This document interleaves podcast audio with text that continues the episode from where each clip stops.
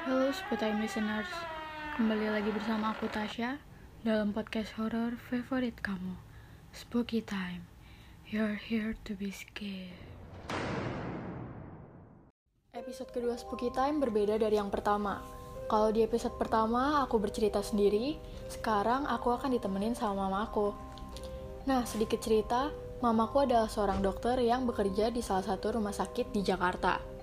Selama 21 tahun bekerja, tentunya ada beberapa pengalaman yang tergolong horor yang telah dialami oleh mamaku. Hai, saya mamanya Tasya. Saya bekerja di sebuah rumah sakit yang sudah berumur 67 tahun. Saya mau cerita pengalaman bertemu dengan hantu di rumah sakit. Semua tempat ada hantunya. Ya salah satunya di rumah sakit itu. Nah, kalau gitu langsung aja kita simak Spooky Time episode 2, Hantu di Rumah Sakit. Jadi, pengalaman horor yang paling berkesan selama kerja apa nih, Mah? Banyak sih. Ini ada beberapa yang masih ingat eh, mulai dari mama masuk kerja sampai eh, terakhir itu ketemu kira-kira dua bulan yang lalu. Yang yang masih awal-awal ketemu masih agak sore ada di jalan eh, mama lagi jalan di lorong rumah sakit. Tadinya mau jalan lurus aja tapi takut ada genangan air di lantai mama agak nunduk ke bawah lihat ada airnya atau tidak. Pas mama kembali lihat ke depan tadinya ada perempuan seorang perempuan berjalan di depan mama eh, yang nggak kelihatan orangnya cuman lihat punggungnya aja. Pas mama lihat ke bawah lihat lagi ke atas kembali eh, udah nggak ada orangnya. Udah nggak kelihatan lagi. Nah itu yang jadi mama nggak tahu nggak tahu banget bahwa itu setan. Jadi taunya setelah belakangan setelah hilang baru mama ngerti oh ternyata itu makhluk lain ya. Terus ada lagi yang di bangsal anak yang di bangsal anak itu dia mengganggu kalau kita tidurnya nggak pules kalau kita tidurnya nggak pules jadi kayak ngebangunin gitu suka ngebangunin. Nah Jadi gimana tuh? eh, waktu itu mama lagi tidur tapi tidurnya setengah-setengah kayak melayang gitu. Terus dia gangguin. Jadi akhirnya bangun. Nah ada lagi ketemu eh, mama pertama jaga di bangsal itu satu bangsal eh, pas malam-malam mama kebangun. Kedengeran suara rame sekali seperti di pasar. Padahal mama tahu eh, bangsal itu kosong sepi. Nggak mungkin seramai itu malam-malam tengah malam lagi. Mama sampai bangun mama keluar dari kamar mama lihat ada siapa di luar.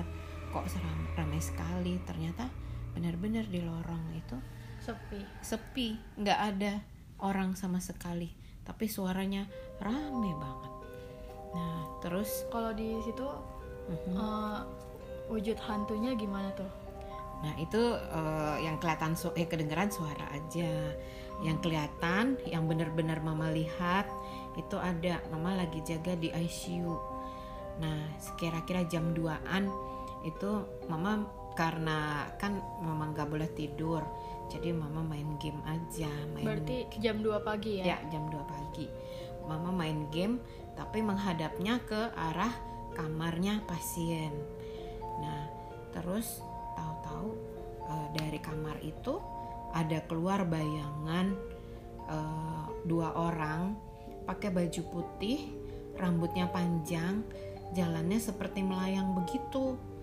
Eh, jalan, mama kan agak ngantuk-ngantuk gitu. Eh, si bayangan dua itu jalan menuju ke jendela. Mama baru sadar, loh ngapain ke jendela? Kan di situ nggak bisa lewat. Pas baru pas tersadar, waduh itu ternyata tadi yang lewat eh, apa gangguin. Akhirnya mama bangunin perawatnya suruh temenin jangan sampai mama ngeliat yang kayak gitu lagi. Kirain suster ya. Ya, kirain suster ternyata enggak. Ada juga yang bunyi-bunyian lagi di ICU di dalam kamar. Mama mau tidur, tahu-tahu kan uh, di locker itu ada kuncinya tergantung padahal nggak ada angin karena pintu tertutup eh, nggak uh, ada apa-apa tahu-tahu uh, apa kunci yang di locker itu goyang-goyang tadinya mama diemin aja lama-lama kok makin kenceng itu si kuncinya uh, bunyi. Akhirnya mama bilang aja udah ya saya mau tidur jangan ganggu saya. Udah dia berhenti. Oh jadi mereka nurut ya kalau dibilang kayaknya ngerti. Kayaknya ngerti. Uh, kemudian ada lagi yang di uh, ruang uh, kamar kamar kamar nah itu mama tidur biasanya uh, di situ ada AC tapi uh, hari itu AC-nya mati dan dikasih kipas angin untuk menggantikan AC itu. Nah, kipas angin itu sering berhenti. Jadi tidak dipasang timer, tapi tiba-tiba berhenti dia mati. Dipasang lagi, mati lagi, pasang lagi, mati lagi. Kadang-kadang TV-nya seperti itu. TV-nya nyala tiba-tiba mati. Uh, mama kan tidur. Mama tidur ngadepnya ke jendela. Tahu-tahu mama ngerasa ada dua orang laki-laki di samping mama berdiri kemudian tiba-tiba mama seperti dipeluk gitu dari belakang terus itu bayangannya ngomong bilang kamu siapa katanya gitu waduh aduh itu mama antara bangun dan tidur. Ini orang atau bukan? Mama takut sekali. Aduh ini orang atau bukan? Mama sampai buka mata buka mata buka mata. Ini kalau orang berarti bahaya. Ada orang masuk ke kamar malah lebih serem lagi dibandingkan cuman setan. Akhirnya mama buka mata sekuat tenaga. Pas dilihat di samping mama nggak ada siapa-siapa. Besokannya mama cerita sama senior mama di situ terus ditanya kamu ngadep ke mana tidurnya ngadep ke jendela nah di luar jendela itu ada sungai. Waduh. Ternyata katanya di sungai itu ada penunggunya. Makanya kata senior saya e, jangan tidur ngadep ke situ. Yang penunggunya itu marah, makanya kamu didatengin dan ditanya kamu siapa sejak itu mama nggak mau tidur ngadep ke jendela lagi. Serem. Berarti emang ada peraturannya gitu ya? dan mama nggak tahu kalau ada cerita seperti itu. Ya. Kemudian ada lagi apa ya? Oh ini uh, mama lagi nungguin papa. Papa lagi dirawat karena demam berdarah udah hari yang ke kalau 8 kalau nggak salah di rumah sakit mama tidur di tempat tidur di samping tempat tidurnya papa. Terus uh, jam berapa ya mama ke uh, kayaknya kayak dibangunin gitu sekitar jam 2 jam 3 mungkin ya kaki mama ditarik. Mama pikir siapa ini yang berani-berani narik kaki? Kalau suster kan dia paling nepuk-nepuk tangan bu bangun bu. Paling begitu. Nggak sampai narik-narik kaki. Mama sampai kebangun lihat lagi. Siapa yang narik kaki? Mama lihat papa papa udah tidur. Ada orang yang di depannya papa uh, pasien stroke justru nggak bisa jalan. Nggak mungkin dia yang narik kan? Ya sudah siapa lagi kalau bukan penunggu di situ yang gangguin yang nggak bolehin mungkin mama tidur di situ berarti energi dia besar banget ya sampai bisa narik. nyentuh narik gitu. Iya Ya. itu kerasa narik. Terasa terasa. Makanya sampai mama bangun. Kalau nggak terasa kan nggak akan bangun. Mama lagi tidur. Ada lagi papa. Nah papa yang ngeliat. Mama jalan dari bangsal bayi mau ke uh, depan. Eh belum belum jalan. Jadi uh, udah janjian sama papa. Mama bilang mama di bangsal bayi. Papa menunggu di uh, bangsal bersalin di depannya. Jadi di pertengahan jalan nggak sampai ke bangsal bayinya itu. Terus itu maghrib maghrib itu. Maghrib habis uh, habis uh, azan. Terus uh, mama udah bilang bentar lagi keluar gitu. Papa ngeliat nggak taunya pas mama lewat papa bilang tadi lewat sini nggak? Lah mama bilang kan mama baru lewat. Tadi ada yang lewat. Sama seperti mama katanya. Eh, cuma dipanggil panggil kok nggak nengok. Jalan terus terus belok. Belok ke eh, belok ke aduh mau merinding nih. Belok ke eh, ruangan. Ruangan itu untuk ruangan teknik jadi ruangan yang tidak biasa dilewatin orang. Eh, jadi ruang sendiri lorong kecil gitu kayak jalan belakang lah begitu. Kata papa beloknya ke sana. Mama bilang mama nggak pernah lewat-lewat situ. Dikejar kan? dikejar iya. Papa ngejar katanya. Terus katanya masuk ke situ. Si papa manggil-manggil kok nggak nengok-nengok? katanya. Akhirnya papa duduk lagi di bangsa bersalin itu. Nah baru mama datang makanya papa nanya lewat apa belum merinding jadinya nah papa bisa tuh lihat-lihat yang seperti itu pernah juga papa nungguin mama di klinik salah satu klinik di Teluk Naga di Tangerang sana. Kliniknya itu masih baru. Jadi kliniknya itu dua tingkat. Tingkat bawah itu untuk praktek, tingkat atas untuk eh, pegawainya istirahat. Jadi ada kamar, kamar itu besar karena eh, pegawainya itu apa kebanyakan perempuan. Kamar besar itu ditempatin sama yang pegawai perempuan tapi gabung sama dokternya jadi eh, pas itu sekitar eh, sama mungkin kira-kira maghrib ya Eh, kira-kira maghrib jadi eh, mau maghrib deh kalau nggak salah papa numpang tidur di kamar itu. Terus mama kan ada pasien di bawah jadi mama di bawah. Terus kata papa kok ada perempuan masuk ke dalam kamar itu? Eh yang kelihatan punggungnya jadi kelihatan dari belakang. Rambutnya panjang basah seperti habis mandi. Ya terus dia buka lemari katanya buka lemari papa kan antara tidur sama enggak katanya. Mau mau bangun tapi nggak enak karena kan itu kamar perempuan gitu. Takutnya nanti malah gangguin. Ya udah papa tidur lagi tapi kok nggak ada suaranya dia keluar dari kamar itu.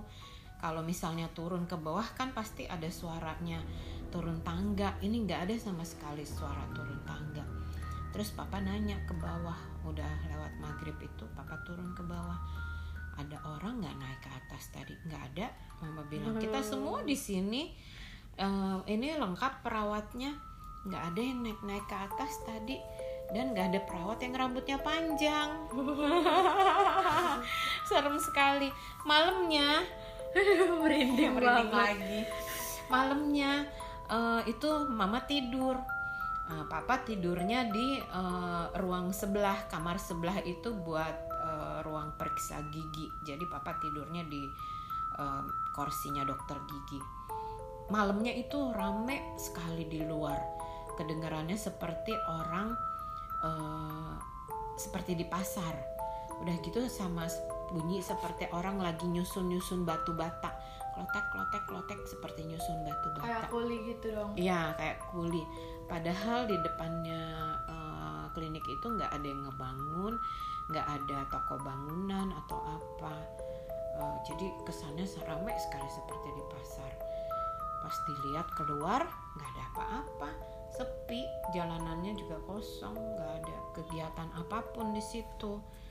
Ya itu yang bikin takut, bikin serem juga kemudian apalagi ya ceritanya ya oh ada temen mama temen mama eh, habis lahiran di rumah sakit yang ada suster ngesotnya Waduh. Ini beda rumah sakit ah, sama ah, yang beda rumah mama sakit kerja. ya beda rumah sakit sama di rumah sakit tua juga Oh. rumah sakit tua juga yang ada eh, konon ceritanya suster ngesot adanya di rumah sakit itu Berarti masih di sekitar Jakarta ya? di Jakarta juga. Ini teman mama habis lahiran, terus dia kamarnya kan sendirian mama lahiran kamu sama adik di situ juga. Hmm. cuma eh, karena mama takut mama mintanya di bangsal yang rame-rame yang sekamar berdelapan orang. Jadi nggak sendirian. Kalau misalnya papa ninggalin mama nggak sendirian. Nah teman mama maunya sendiri. Dia nggak mau rame-rame di kamar yang sendiri itu. Terus katanya dia cerita aku jam 3 dibangunin sama suster katanya ya kan aku karena lagi tidur dibangunin ya nurut aja namanya orang sakit katanya gitu. Ibu saya mandiin dulu ya katanya gitu. Ya udah Nah, teman mama tuh nurut aja namanya juga dimandiin ya udah nurut aja tapi sambil ngantuk-ngantuk katanya Hmm. gitu. Udah udah selesai. Habis itu eh, apa namanya eh, dia tidur lagi. Tidur lagi nah jam 5 pagi ada yang ngebangunin dia lagi. Suster beneran itu suster beneran yang ngebangunin. Yang jam 5 ini. ya yang jam 5 ibu eh, kita mandi dulu ya. Eh, saya mandiin dulu ya. Loh tadi kan sudah ada yang mandiin saya suster katanya gitu. Eh apa? Kok saya mandi lagi? Emang ini jam berapa? Katanya gitu. Susternya ngerti ternyata ada yang duluan mandiin dia. Oh iya nggak apa-apa bu. Ibu masih mau mandi lagi nggak? Kalau mau mandi lagi saya mandiin katanya gitu. Aduh mama bilang untung mama di situ nggak sampai ada kejadian seperti itu. Ngeri juga mama kalau keluar ke lorong itu nengok-nengok dulu kiri kanan. Nggak berani lewat Berarti emang susternya udah tahu kali ya emang ada temennya. yang sendirian yang sendirian. Jadi ya banyak sih macem-macem cerita tapi yang kayaknya yang mama ingat yang berkesan yang mama ngehnya setelah lewat. Heeh, jadi kalau mama tahu itu beneran mungkin mama udah lari Oke, berarti udah kali ya cerita mungkin bisa dilanjut di episode-episode selanjutnya. Ya boleh kalau ingat lagi nanti diceritain lagi ya.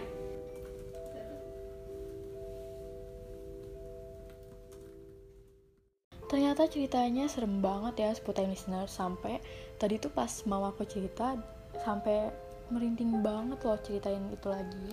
Kalau kamu gimana menurut kamu cerita ini serem banget atau serem aja atau gimana? Apa kamu denger yang merinding atau malah biasa aja? Mungkin ini aja cerita yang bisa aku bagikan kali ini. Semoga kejadian seperti ini semakin menambah iman kita untuk senantiasa mendekatkan diri kepada Yang Maha Kuasa dan membuat kita tergerak untuk lebih banyak untuk eh, berdoa dan juga beribadah lagi dan tentunya tidak bersikap syirik dan menyekutukan Tuhan. Hati-hati dengan lingkungan sekitarmu karena bisa saja mereka sedang menemanimu saat ini.